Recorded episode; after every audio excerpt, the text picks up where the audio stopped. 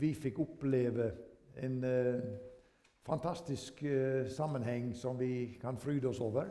Men det var under eh, ja, Like etter maten så måtte jeg eh, gå meg en liten spasertur her pga.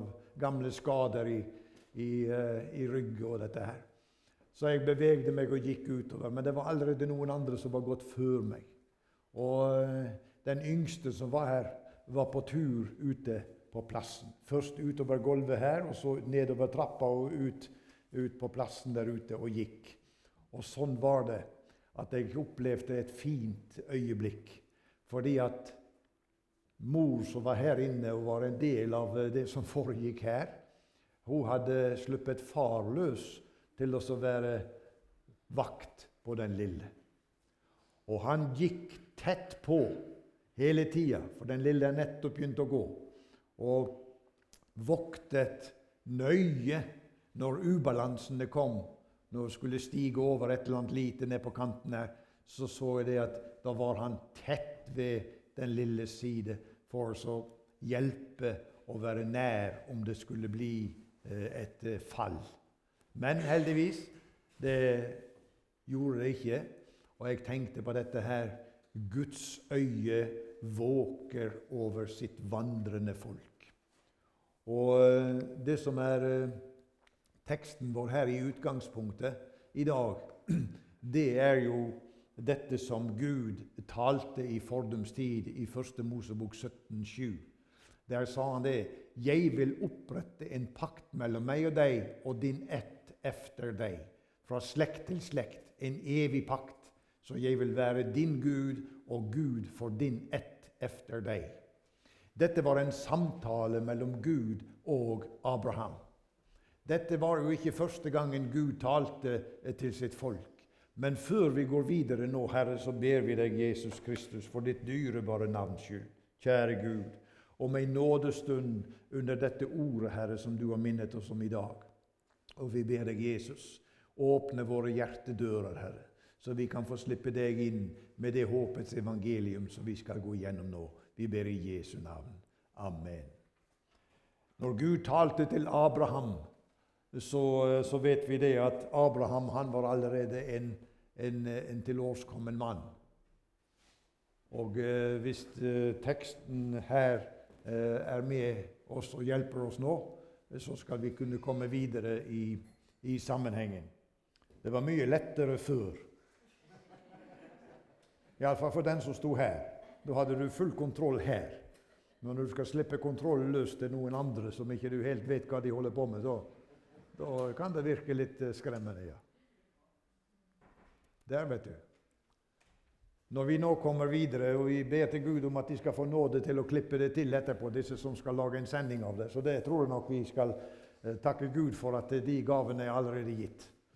Men eh, vi skal gå videre, og vi skal se på dette at Gud hadde talt til flere i fordums tid om at han skulle sørge for dem. Men nå var det dette med Abraham. Og Abraham han var jo en, en familiemann som hadde en stor, en stor, familie allerede. Men han var jo begynt å dra på årene. Og i, dette, i denne sammenhengen her så, så, var Abraham altså 99 år gammel, og Sara er 100. Og, og da, når Gud kommer der inn og så sier det at han skal gi dem en stor ett, altså en stor familie, så måtte jo Abraham begynne å tenke utenfor sitt eget. Han måtte begynne å tenke på hm, hvordan skulle dette gå til. Og Vi kjenner jo denne historien, og det var jo for Abraham ingen utsikter for en stor slekt eller en påfølgende ett. Det, det vet vi som har lest denne historien. Og det som utgjør forskjellen, det er det som du ser her, du som ser på veggen. Gud hadde sagt 'Jeg vil'. Vi med våre begrensede evner i forhold til Guds ubegrensede evner, så må vi umiddelbart bare nevne og si at Gud er så mye større enn våre tanker, våre kapasiteter, våre evner og det som vi kan bringe til torgs. Gud hadde sagt 'Jeg vil'. Historien om Abraham den kjenner vi. Og vi vet at Gud gjennomførte sitt løfte. Og det er veldig fint at vi ser at enda flere kommer til vårt møte. Det er veldig kjekt. Det gleder vi oss over. Og eh, når vi nå er inne her og, og vet at denne kjente beretningen den ligger liksom som et fundament for det som vi skal gå videre på, så skal vi se på dette som, eh, som Gud også sa til en annen stor tjener, Herrens venn Moses. Og da hadde òg Moses fått dette løftet som, eh, som, eh, han fikk av Gud da han ble bedt om å føre folket ut av Egypten. Se, sier han i første Mosebok eh, 23.20. Se, jeg sender en engel foran deg for å bevare deg på veien og føre deg til det stedet som jeg har gjort i stand. Dette var Guds løfter til, eh, til Moses, og det samme var det til Abraham. Gå ut fra din ditt land. Dra ut fra ditt land og dra til det sted hvor jeg vil vise deg. Det var jo eh, det var ikke mye destinasjonsbestemmelse i Abrahams tanke. Dra ut fra ditt land. Ja, det kunne jo bli alskens steder, det. Men Gud hadde sagt at uh, han skulle ordne med destinasjonen. Uh, når Abraham fikk høre dette, og når Moses fikk høre dette, så var det jo at de møtte på utfordringer. Og det, det som de møtte på her, det var det at i 1. Mosebok 17 så står det det at folket tørstet etter vann og knurret mot Moses og sa:" Hvorfor har du ført oss opp fra Egypten for å la oss dø, og våre barn og vår buskap skal òg dø av tørst? Hva er det du, Moses, har funnet på? Ledet av Gud, men allikevel så opplever vi at her befinner vi oss i et ørkenland. Og Jeg vet ikke om du som troende har vært i et ørkenland. Det kan du svare på. Men noen av oss vet hva det vil si å være der hvor ikke Gud taler. Hvor det er helt stille ifra himmelen. Hvor ikke du opplever åpenbaring. Hvor ikke du opplever at Skriftene åpner seg, og du kjenner velsignelsene strømme innover ditt hjerte. Da er det vanskelig, og da kjenner du på en ufattelig tørst etter noe ifra den levende Gud. Folket befant seg i ørkenen. Og det som vi skal legge merke til, det var ikke, det var ikke Moses som hadde bestemt hvor de skulle gå. Og Hvis du ser bak i Bibelen din, så ser du et kart over hvordan vandringen gikk. Og En kan jo tro at det var omtrent som du setter ei flue ned på papiret som vandrer helt målløst rundt forbi og i alle retninger. Så det var ikke noe, var ikke noe strukturert reiseplan for israelsfolket. Men Gud ledet de. Og det står her at i 2. Mosebok 13 der står det Herren gikk foran dem om dagen i en skystøtte for å lede dem på veien, og om natten i en ildstøtte for å lyse for dem. Slik kunne de dra frem både dag og natt. Og skystøten vek ikke fra folket om dagen, og heller ikke ildstøtten om natten. Det var Gud ved disse to miraklene som, som ledet folket der hvor de skulle gå. Og nå befant de seg i en ørken. Har du vært i en ørken? Jeg vet ikke om du har, men jeg har vært der hvor det er så varmt og det er så tørt at det, det, det, det er verken for det synlige øyet iallfall verken liv eller muligheter til å overleve som et levende vesen. Og det beste du kan gjøre, det er å komme deg derifra. Og det var dette folket egentlig prøvde å få til når de nå var i denne situasjonen at tørsten var blitt så påtrengende at det, det, det, de, de kjente på alvoret. Både vi og vår buskap og vår familier og alt vil ende opp som kadavre her i den ugjestmilde ørkenen. Midt oppi dette så ser vi det at det lovede land det var fremdeles langt unna. Jeg var på en reise for mange år siden, og jeg eh, skulle til et, et sted. Og eh, mens jeg sto der og ventet på en leiebil, så kom det noen ungdommer inn og så, spurt, så, kjente de denne som sto og ordnet med denne bilen. Og så sa de det at eh, ja, nå hadde de vært i Mexico. Nå hadde de vært i Mexico, men du hendelse. De hadde vært så syke. De hadde lagt på dette hotellrommet helt ødelagt. Hva var det da? Jo, de hadde drukket av forurenset vann. Så de snudde seg og så på meg og snakket min vei og sa, 'Ikke reis der.' Ikke reis der. Nei, sa jeg, jeg skal i motsatt retning, så det går helt fint. Men det som var saken, det var det at det var ikke engang forurenset vann her ute i, i, i ørkenen. Og destinasjonen, den endelige bestemmelsesstedet, det visste de ikke om. Og det å vandre i uvisshet hvordan, hvordan går veien videre? Har du spurt om det i ditt gudsliv? Hvordan går veien videre? Hvor fører dette meg hen?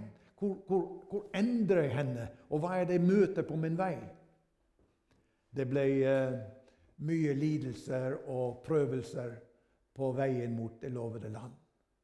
Der var de lovet at Gud skulle ordne med melk og honning. Et uttrykk, en beskrivelse på at der skulle tilværelsen bli helt annerledes enn den de hadde opplevd der i, i denne ørkenen. Og dette her, det betegner egentlig min og din vandring mot det lovede land. Vårt lovede land, ja, vi har et godt land vi lever i, og mange eh, Jeg skal ikke nevne noen navn, men noen syns det er så godt å være her at de vil ikke flytte noen som helst sted. Jeg skal ikke peke på noen her i denne salen, men de befinner seg her. Og eh, sånn er det. Det var, og det er ikke en seilas eh, gjennom livet med bare medgang og solskinn. Og Hvis vi nå hadde hatt en håndsopprekning, og jeg hadde spurt om dette her, er livet sånn, så tror jeg enda til disse unge som er med oss, hadde sagt at nei, det er motgang og vanskeligheter allerede i ungdomstiden. Og det tror jeg for den som lever rett med Gud, så skal du sannelig få vite at det er en sak som er en sannhet. Og det vi ber om her for menigheten, og ellers når vi ber for hverandre, så ber vi om at Gud må få gjøre et slikt inntog i de unges hjerter. At de kjenner det, at de får leve i nådens hav. For det er det eneste stedet hvor du kan overleve. For i nådens hav, der var det en som sa, der står det fisking forbudt. Når Gud senker noe i nådens hav, så er det vekke og en gang for alltid. Og dette er det at uh, Gud legger på oss midt i det som vi uh, opplever som vanskeligheter. Han har talt dette til oss for at vi skal ha fred i ham. I verden, sa Jesus, har dere trengsel. Men vær frimodige, for jeg har overvunnet verden.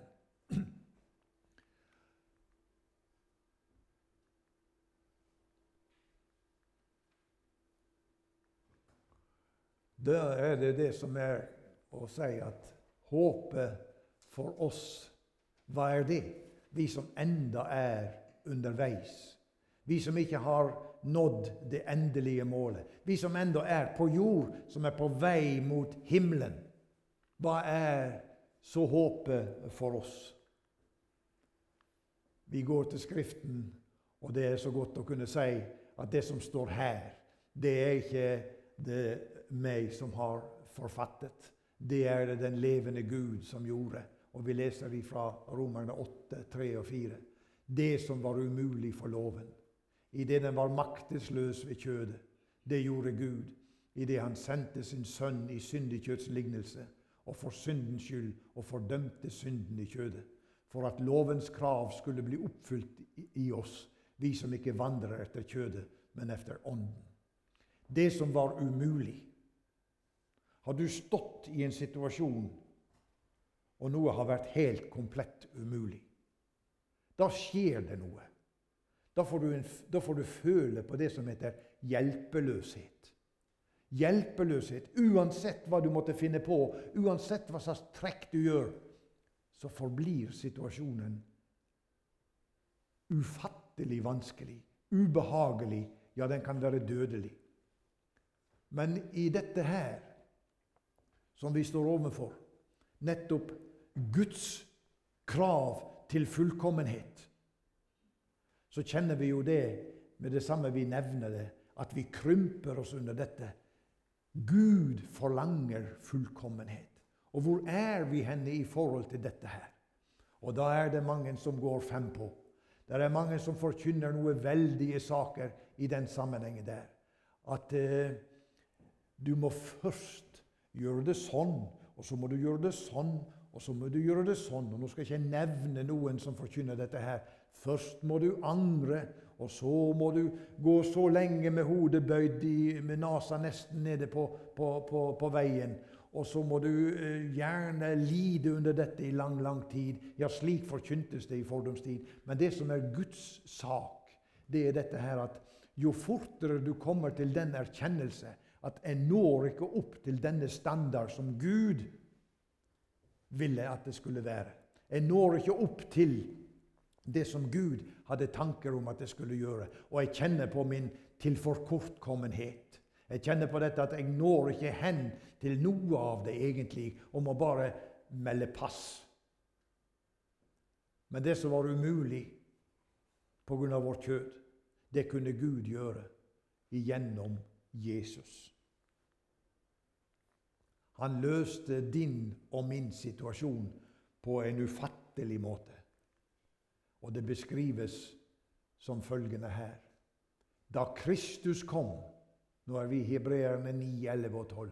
Da Kristus kom som ypperste prest for de goder som skulle komme, da gikk han igjennom det teltet som er større og mer fullkomment, som ikke er gjort med hender, dvs. Si, som ikke er av denne skapning, ikke med blod av bukker og kalver, men med sitt eget blod gikk han inn i helligdommen en gang for alle og fant en evig forløsning. Hvordan kommer vi i kontakt med denne evige forløsningen? Ja, det er en annen måte å spørre på hvordan blir et menneske frelst? Jo, ved å ta vår tilflukt til Han som elsker oss og har fridd oss fra våre synder med sitt blod. Å ta tilflukt Ta tilflukt til Jesus.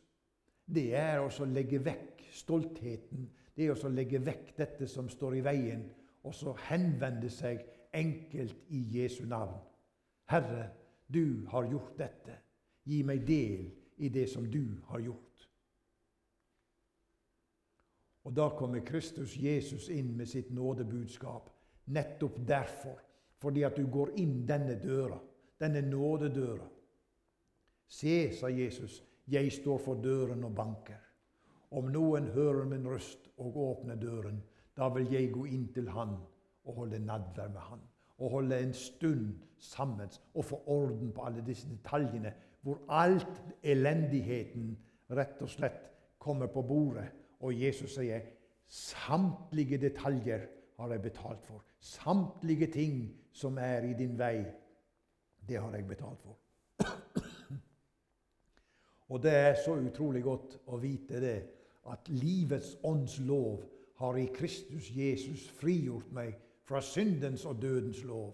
For det som var umulig for loven idet den var maktesløs pga. kjødet, det gjorde Gud da han sendte sin egen sønn i syndig kjøtts lignelse for syndens skyld og fordømte synden i kjødet, for at lovens krav om rettferdighet skulle bli oppfylt i oss vi som ikke vandrer efter kjødet, men efter Ånden. Og da blir spørsmålet når tid vandrer du og jeg efter Ånden?